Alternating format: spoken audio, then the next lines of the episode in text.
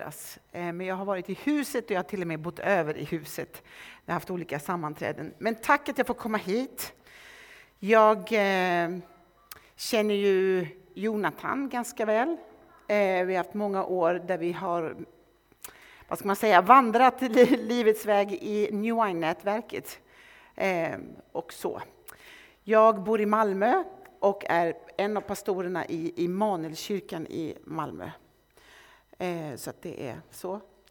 Jag är gift med en man, mamma till tre män och eh, numera farmor till tre barnbarn. Så jag har att göra. Jag har att göra. Jag har som sagt förstått att ni uppehåller er kring bön. Detta fantastiska och också ibland svåra, eh, att på något sätt hitta det här hur vi ska be tillsammans, ensamma. Bön genomsyrar hela kristenlivet. Bön borde genomsyra eh, gudstjänstlivet, församlingslivet, smågruppslivet eller vad ni nu kallar era smågrupper. Bön bär och präglar allt som vi kristna är. Bön förvandlar, bön eh, vad skulle jag säga här, förändrar och oftast så börjar den förändringen med bedjaren själv. Jag vet inte om ni har tänkt på det. Och bön är ibland också ett arbete. Bön kan se otroligt olika ut olika sammanhang, olika tider i livet, tider av församlingslivet, olika säsonger. Eller kanske också bara för att vi är olika. Jag ser att det finns människor här från olika platser på vår värld. Och jag kan ana att det kan se väldigt olika ut på olika platser. Och jag önskar att vi skulle kunna ge utrymme att lära oss av varandra.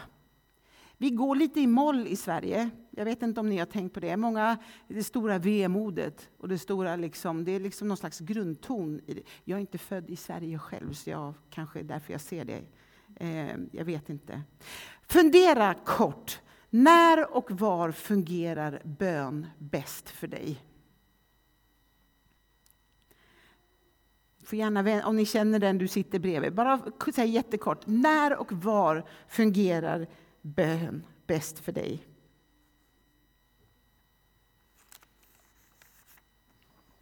Oj, vad tyst det blev.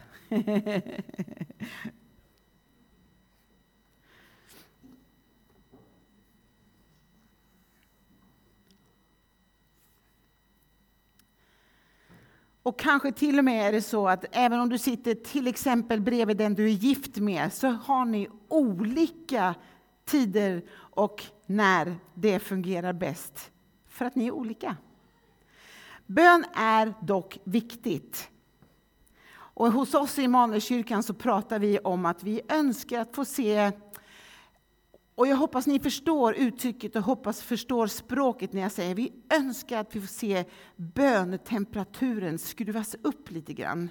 Ehm, och då, då pratar inte jag bara om liksom ljudnivå, utan att, att, liksom, att Gud får förlösa en bönens ande på ett nytt sätt bland sitt folk i Sverige. Det längtar vi efter.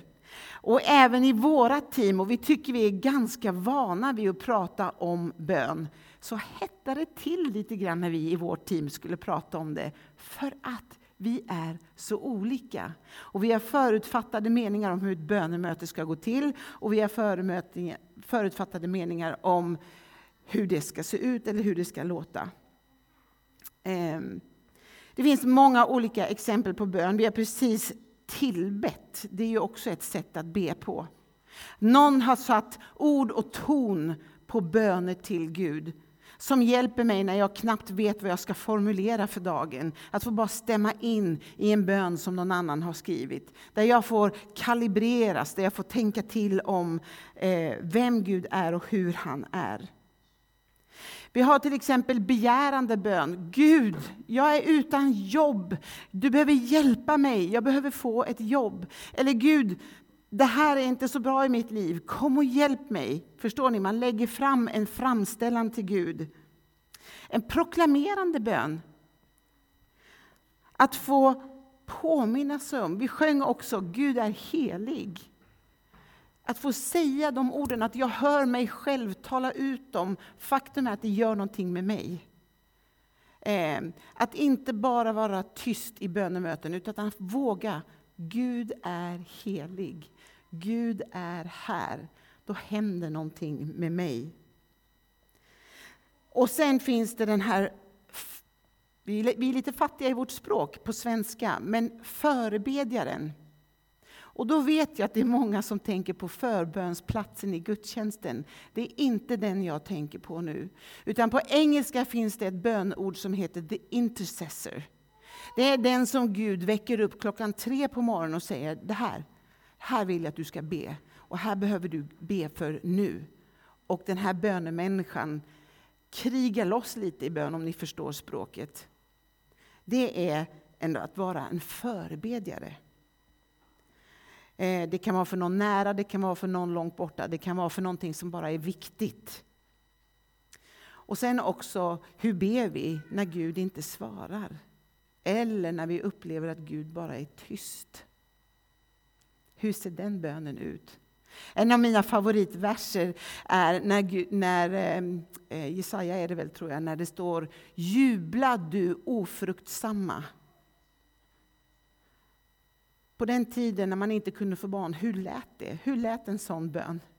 En ofruktsam som är helt förringad, föraktad, hånad i sitt samhälle. Jubla! En lovsång som förmodligen är bräcklig och lite halvförkyld som, som min röst är idag. Men som Gud älskar att få höra. Jag vill höra den sången. Sjung ut, du ofruktsamma. Sen har vi betjäning. Här är förbönen på förbönsplatsen. Vi kallar den för betjäning. Hur kan en person få betjäna i bön en annan som är i behov av hjälp från Gud på något sätt? Ni har säkert fem olika ord till som ni skulle kunna sätta. Men idag så ska jag ägna mig åt den lyssnande bönen.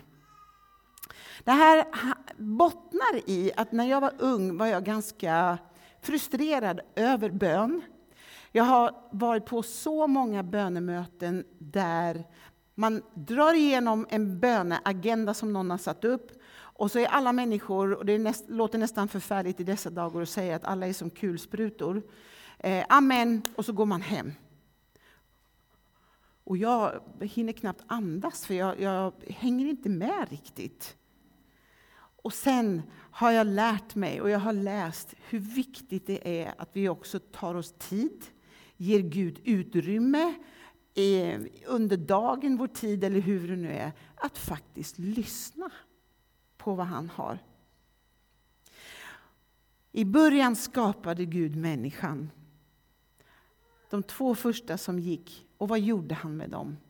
Varje morgon, varje afton så gick de tillsammans i trädgården. Tjena Adam, hur har din dag varit? Jaha, säger du det? Det växer äpplen på träden numera.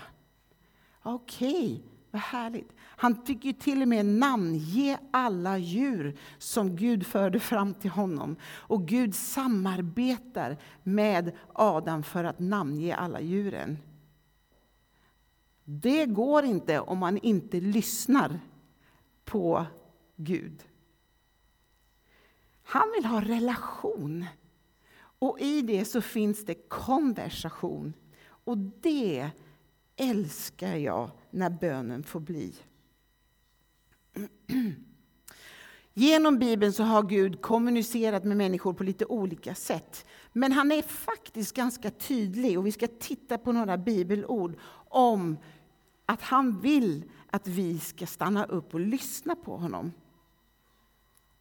Det, det är inte bara tänkt för oss att höra hans röst. Jag tror faktiskt att det är en förutsättning för kristenlivet, för livet med honom. Det är nästan det som definierar en lärjunge. I hebreiskan så finns det ett ord som heter shama, som betyder just att höra Gud. Och då är det jätteintressant att veta att ordet shama innefattar fyra steg. Nummer ett är att du hör vad Gud säger. Två, att du också tar emot det Gud säger. Tre, förstå vad han säger. Och fyra, agera, eller det mycket obekväma ordet som vi svenskar väjer för, är lyda. När du har gått igenom alla fyra steg, då har du hört Gud. Det är lite intressant, eller hur? Ska vi titta på några texter? Första kommer från Andra Mosebok 15. Och han sa, om du hör Herren din Guds röst och lyssnar noga till hans bud och håller alla hans stadgar, då ska jag inte lägga på dig någon av de sjukdomar som jag la på egyptierna, för jag är Herren din läkare. Höra och lyssna. Det kanske inte alltid är samma sak, det kan man också fundera på. Att höra. Jag hör ofta min man prata till mig, men det är inte alltid jag lyssnar på honom. Och vice versa. Och ibland tror jag, om vi ska vara ärliga, att vi behandlar så, Gud så också. Och det behöver vi omvända oss ifrån. Om ni vill vara mitt folk, lyssna på mig. Det är det han säger. Vi går till nästa bibelvers, Andra Mosebok 19.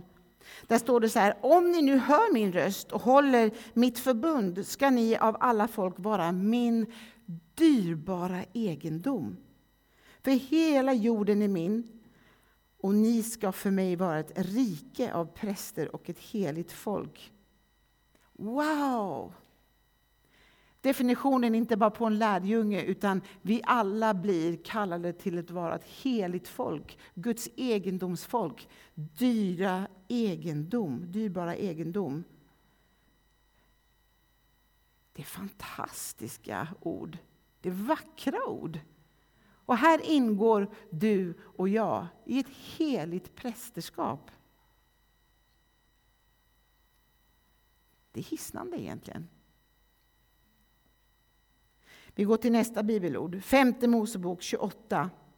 Och alla dessa välsignelser ska komma över dig och nå fram till dig när du lyssnar till Herren, din Guds röst. Om du lyssnar till Herren, Guds röst, genom att noggrant följa alla hans bud som jag sa idag, som jag idag ger dig, då ska Herren din Gud upphöja dig över alla folk på jorden. Jag tänker att vi går in i tider där det är viktigare än någonsin att vara just det folket. Att vara det folket som hör från Gud och som på något sätt eh, inte hör allt annat som pågår. Just femte Mosebok och kapitel 28, det kan ni läsa hemma. Där första halvan handlar om de välsignelser vi får om vi lyssnar på Guds röst. Den andra halvan handlar om vad som händer när vi inte lyssnar på Guds ord. Och där är det ganska intressant att inte lyssna, att inte lyssna på Gud kallas för olydnad. Därmed synd. Ouch!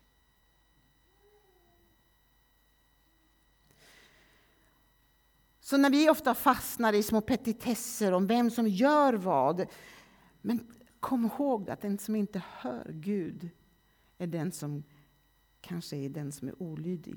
Att inte leva uppkopplad, om ni fattar vad jag menar, telefonvärlden. Eh, eller i relation. Och går vi sen vidare över i Nya testamentet, så Gud är trofast genom Gamla, men även i Nya testamentet. Och då kommer vi till den här texten som jag fick hjälp att läsa idag. Guds kriterier för lärjungaskap är att vi hör Gud. Grindvatten öppnar grinden för honom och fåren lyssnar till hans röst. Han kallar på sina får med deras namn. Så personlig är Gud. Och så leder han dem ut. Och när han har släppt ut fåren går han framför dem och de följer honom för de känner igen hans röst. Och de följer aldrig en främling utan springer bort från honom eftersom de inte känner igen hans röst. De känner igen hans röst. Funderar ens på, är det möjligt att följa Jesus utan att känna igen hans röst? Relation. Eller bara tänkt att om vi inte känner igen hans röst så är det med stor risk att gå vilse. Jag älskar berätten om, berättelsen om Maria, Jesu mor. Och vi ska ta oss igenom de här fyra stegen av att höra, ta till sig, förstå och lyda.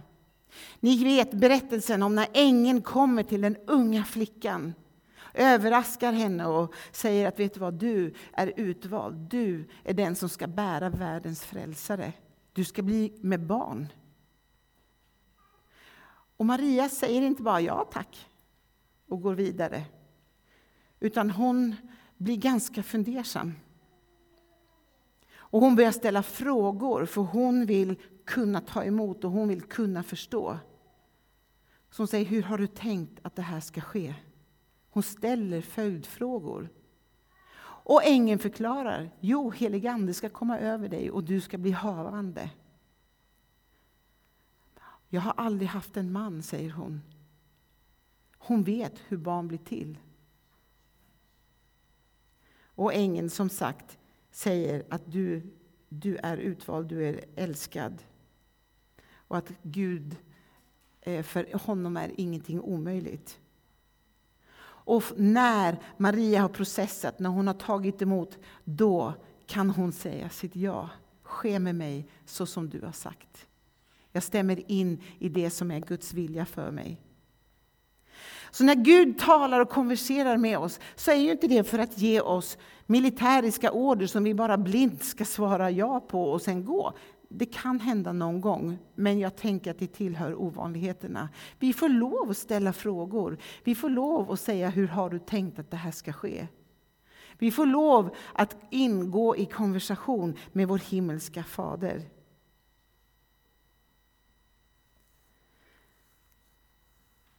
Och jag tänker också att det finns, jag kommer till det lite längre fram, att det finns också en timing i saker och ting. Att Gud kan ge dig en liten hint om vad som kommer, eh, men kanske inte alltid om när det kommer. Gud talar ju till oss i det som kallas för logos och det som kallas för rema. Jag måste bara flika in det här. Guds ord, logos, Bibeln, det är fastställt, det är inte förändligt. Det är hans lag och det är hans ordning, men det beskriver för oss vem Gud är och hans sinnelag. Men Gud talar också till oss levande och verksamt idag. Jag har suttit med på bönen idag och människor ber ut intryck eller bilder eller tilltal från Gud. Guds talade ord idag. Här är det bara viktigt att komma ihåg att Guds rema kommer aldrig att motsätta sig Guds logos. De går hand i hand. Och där behövs det urskiljning och det är där vi behöver hjälpa varandra att hitta rätt i det. Matteus 4 och 14 där står det så här. Människan lever inte bara av bröd, logos, utan av varje ord som utgår från Guds mun. Rema, tänker jag. Jag är involverad i en kurs som eh, heter just Konsten att höra Gud. Ehm, och I den kursen så brukar vi göra massa praktiska övningar eh, där vi får lov att lyssna på Gud för varandra. Och jag ska bara ta med er på ett nutida exempel. Samma som Maria genom de här fyra processerna. En person ber för en tjej och han, får, han eller hon, jag kommer inte ihåg ens vem det var, får till sig ordet att när jag ber för dig, när jag ser dig, så ser jag bara ordet kanel. Och det kan ju låta lite märkligt, lite lustigt. Så varför skulle Gud använda svensk kanelbuddekrydda för att tala till någon? Tjejen som var mottagaren hon sa jag tycker inte ens om kanel. Så hon var nästan på väg att avfärda ordet. Men jag sa så här, men du vänta lite. Kan vi inte bara titta på det? Står det någonting i Bibeln om kanel överhuvudtaget? Och vet ni vad? Det gör det. Det står att kanel är en dyrbar krydda. Eh, eh, som, som man också använde till att krydda både alltså mat och men också oljor för att det skulle sprida en väldoft. Och är det då konstigt att man mäklare idag säger ha gärna lite bullar som doftar gott när du ska sälja, för det, då, då tycker folk att det känns som en hemkänsla. Hallå, det är en biblisk princip. Och när hon tjejen plötsligt fick tilltalet av att Gud ser dig som dyrbar, Gud ser dig som en eh, för, förgodande krydda på en bulle, Gud ser dig som en väldoft. Gissa om hon blev uppmuntrad. Och hon gick därifrån och sa, hmm, jag får kanske lära mig äta kanel. Det vet jag inte om hon gjorde. Men tänk om hon hade avfärdat Guds uppmuntran till henne. Höra, ta emot, förstå och agera.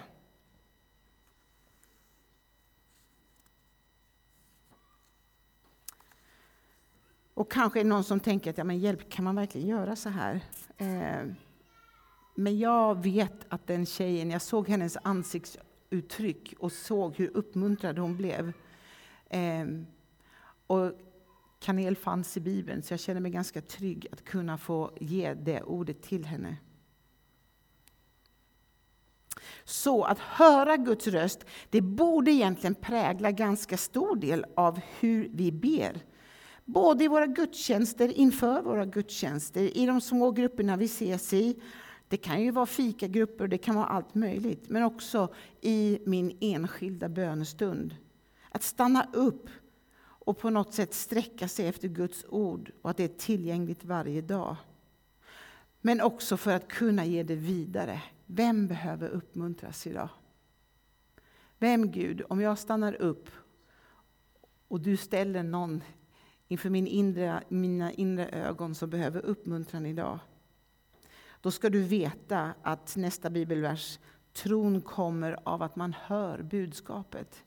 När du se, talar in i en människans liv utifrån en bönestund du har haft på morgonen, så väcks en gnutta tro i den personen.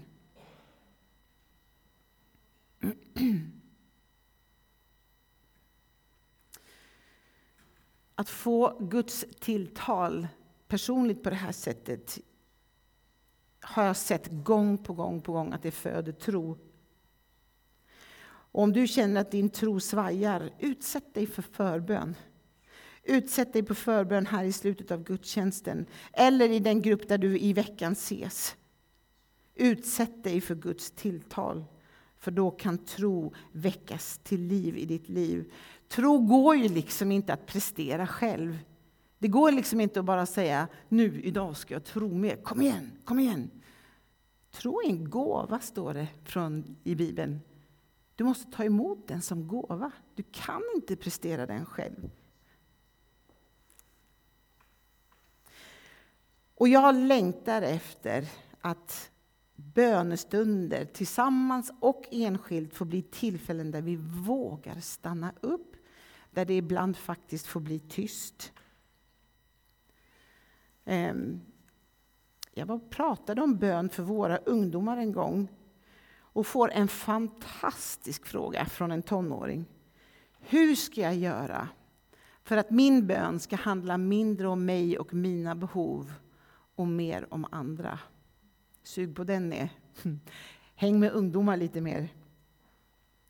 Ehm.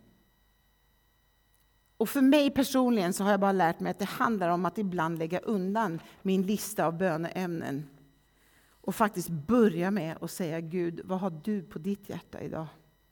Vilken är bönelistan som du vill ge mig? Vem vill du att jag ska be för? Vad vill du att jag ska be för? Jesus ber ju för oss. Och det vore väl knas att inte stämma in i den bönen som han ber, eller hur? Och gör man det som ett bönemöte, givetvis är det så att en sån bönesamling behöver ledas.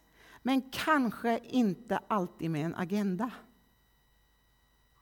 Utan att man vågar på något sätt mötas upp inför att Gud, vad har du på ditt hjärta idag? Jag tror som sagt att vi befinner oss i en tid där Gud leder in oss på nya vägar, nya sätt och vägar att vara församling efter en pandemi. Vi har lärt oss saker. Vi har lärt oss nya sätt och nya strategier. Ehm, vi ser också att det stormar ganska mycket omkring oss. Vi ser att det är oroligt på många ställen omkring oss. Jag tror att mer och fler människor kommer att drabbas av förvirring. Ehm, och det behöver inte vara så långt ifrån oss. När Gud sa till Josua att gå in i det utlovade landet så säger han följ arken. För då vet ni vilken väg ni ska gå. Arken, alltså Guds närvaro. Eh, ni har inte gått den vägen tidigare, säger han till Josua. Följ närvaron. Om vi ska kunna följa närvaron så behöver vi också lära oss att känna igen den. Vi behöver veta om den. Vi behöver kanske till och med känna den. Och Det här är också viktigt när Gud ibland är tyst. Så är inte det samma sak som frånvaro. Det är jätteviktigt att komma ihåg. Gud kan ibland vara tyst av ren nåd för dig. Ett exempel är, vi hade ett par i vår församling som förlorade sin 24-åriga son till cancer. Eh, och under föräldrarnas sorgeprocess så var de ofta förtvivlade över att de inte hörde Gud. Men jag tänker mig Gud som med jobb, att han satt där. Han satt, ibland liksom förstärkt av oss andra medlemmar som fick bära. Men närvaron är alltid viktigare än att du checkar av bönesvar till höger och vänster. Och bara några såna konkreta tips att när ni samlas i små bönegrupper eller var ni nu är någonstans. Vi människor är så fulla av behov och vi har önskningar och det kan vara mycket rätt och rättfärdiga. Men kom överens någon gång, kanske inte alltid, att säga att hörni, idag ska vi bara lägga dem åt sidan en stund. Och så ska vi bara lyssna på Gud för vad han vill säga till var och en i bönegruppen. Eh, att kunna ge ett uppmuntrande ord. Att Gud känner ju till alla behoven. Du ber ju för dem varenda dag ändå. Men idag Gud vill vi lyssna in ditt, ditt hjärta för situationen. Och när vi gör det så vet att vi kommer ibland att höra fel. Vi kommer ibland att filtrera det genom att jag är jag och ibland vet jag saker om människor i min bönegrupp. Men var ärlig med det då. Vet du vad, jag vet att du just nu letar jobb. Men jag ber. Och vet du vad, Gud har inte gett upp på dig. Det finns ett jobb där ute någonstans. Att man talar ut Guds sanningar. Eh, men förandliga inte det som du redan vet, utan var ärlig.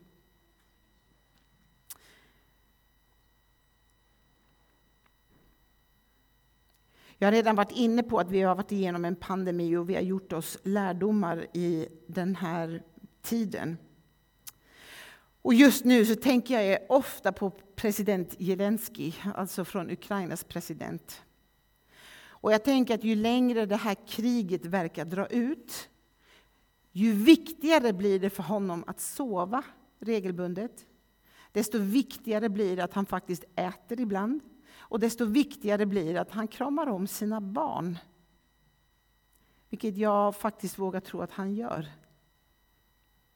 Om, om bilden av, som framställs av honom är rätt och riktig. Och vi, vi påminner oss ofta om bibelversen Bli stilla och inse att jag är Gud. Stilla ner dig.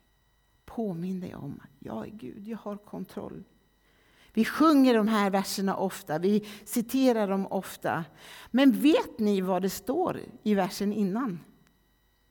I vilket sammanhang bli stilla och besinna att Herren är Gud står? Jag ska läsa det för er. Jag har inte med det på bild, för jag lade till det igår kväll.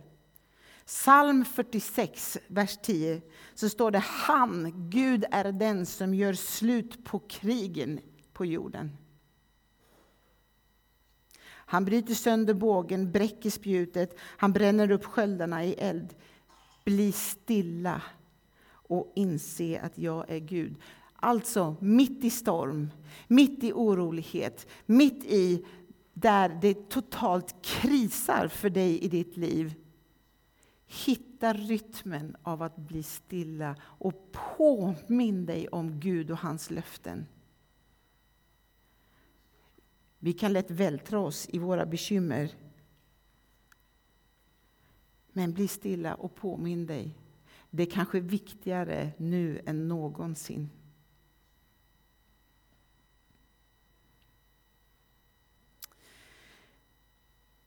Vi ska faktiskt göra en övning tillsammans. Och bli inte oroliga nu, för du behöver, du behöver bara sitta och du behöver lyssna. Ehm, du får gärna ta fram papper och penna, för det kan hända att Gud vill tala till dig om saker till dig. Vi kommer få lyssna till musik. Och du kanske bara får ett intryck, du kanske får en bild, du kanske får ett ord som kanel. Och jag vill bara uppmuntra dig att gå igenom den här processen av att okej okay, Gud, jag hör det här ordet, kanel. Jag fattar inte. Jag vill ta emot det. Fortsätt ställ följdfrågor. Jag vill förstå det. Och sen när du går ut, hur ska jag agera på det? Jag har ställt tre frågor på en powerpoint. Du kanske hinner med alla tre, för du är sån att det är ganska snabbt. Och för någon så kommer du bara hinna med en av frågorna. Den första frågan är, Gud vill du bara visa mig hur du älskar mig idag? Det är en sån där bön som vi alla bara behöver, istället för att komma med alla våra behov och jag behöver, jag behöver, jag behöver. Gud, hur älskar du mig idag? Hur ser den kärleken ut till mig idag? Var är platsen där jag får höra du är min älskade son, min älskade dotter, i dig har jag mitt behag. Den andra frågan är, Gud visa mig din blick för församlingen. Hur ser du på församlingen? Vad är ditt hjärta för församlingen? Vad vill du att jag ska be för när det gäller församlingen? Och när vi ber, när vi formulerar bönen på det här sättet så gör vi oss mottagliga för att också öppna upp för hans, hans hjärta. Vi ser inte allt som brister, vi ser inte allt som vi är kritiska till, vi ser inte allt som stör vår ordning, utan Gud, vad har du på ditt hjärta för vår församling? Och den tredje frågan är, Gud, jag kanske har tappat det, jag kanske har förlorat det, men hur kan jag få tag på din närvaro? Hur känner jag igen den så att jag vet och kan följa den?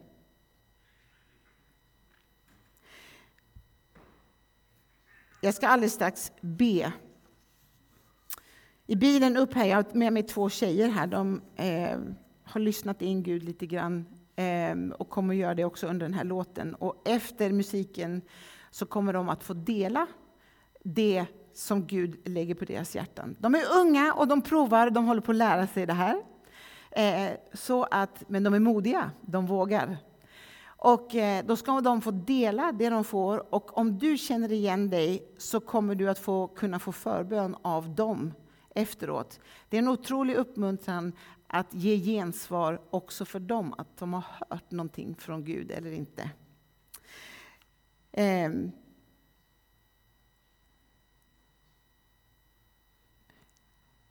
Vi ber. Herre, vi eh, ber just nu att du förlöser liksom bönens ande mitt i vår gemenskap på ett nytt sätt, Herre. En av bilderna som tjejerna fick till sig här i bilen på vägen upp är att det här ordet frekvens. Eh, och jag gör bara kopplingen själv, återigen till president Zelensky, att han förflyttar sig kanske, han behöver ställa om frekvensen för att höra rätt. Och så kanske det är med dig och mig också, att vi behöver ställa om frekvensen för att kunna... Det finns en sändare, det finns en frekvens och det finns en mottagare och allt det där ska hitta varandra. Så Gud, vi ber just nu att du får kalibrera oss så att sändare, mottagare och frekvensen funkar. Be Gud att du talar till oss. Jag ber att du gör oss mottagliga för det du har på ditt hjärta. Gud, jag ber också att vi liksom i veckan som kommer får hitta platsen där vi får, och rytmen av mottagarmode. Att vi får slå på den här wifi-knappen i våra hjärtan, där vi upprättar kopplingen till dig. Så kom helig Ande. Tala till oss. Amen.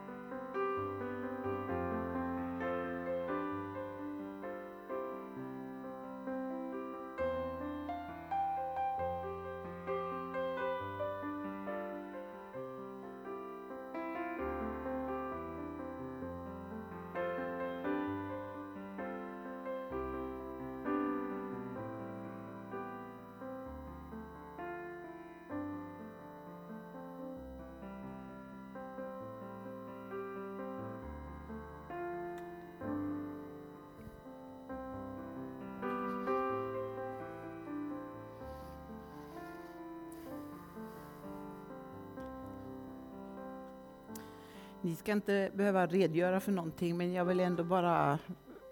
Eh, var det någon som upplevde att Gud talade på något sätt? Räck upp en hand så vi får se. Titta, härligt! Ja. Eh, gott, blev ni uppmuntrade?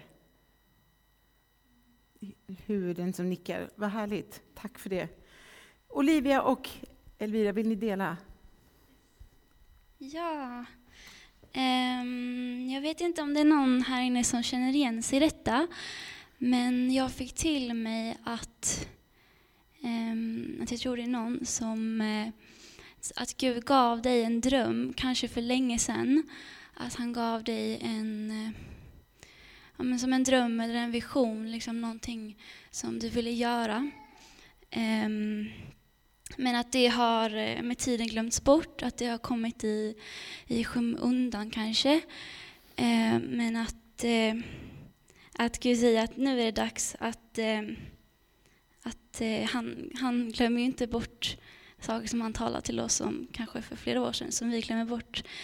Eh, men att det är som att när man lägger ett, står ett frö i jorden så eh, ligger den där i mörkret i ett tag. Liksom, och ja, på samma sätt kanske du har glömt bort det som eh, Gud sa till dig, men att, eh, att eh, Gud har inte glömt det och att, att det är dags. Ehm, ja. Jättebra. Och så vill jag också läsa från första Timoteus 4 och 12. Och det tror jag kan vara en uppmuntran till någon. Um, Låt ingen förakta dig för att du är ung, utan var ett föredöme för det, som tro, för det troende i ord och gärning, i kärlek, tro och renhet. Um, ja. Yes, om det är någon som känner igen sig så får man alltså jättegärna komma eh, på förbön sen. Eh, jag upplevde att det kan vara så att det är någon som har upplevt att det är mycket oordning, eh, trassel. Såg en bild av eh, som tråd som var ihoptrasslad.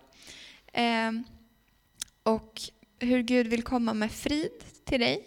Eh, också ge dig lösningar för hur, eh, hur du ska få ordning på det som är trassligt. Eh, också upplever jag att det kan vara så att det är någon som bär på en oro liksom i, som påverkar dig liksom i ditt mående också. Eh, eh, och att Gud vill komma med frid där. Liksom. Eh, så kom gärna till förbön om du känner igen dig. Eh, jag ska se om jag hade något mer.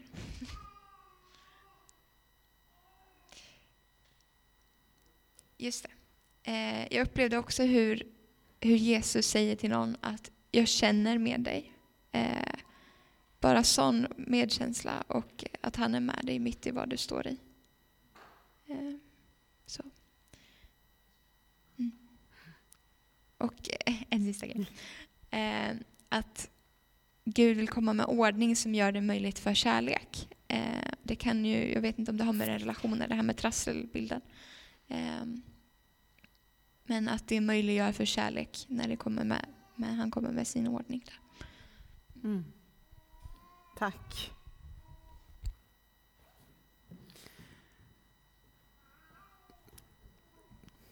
Då ska vi sjunga något mer tror jag.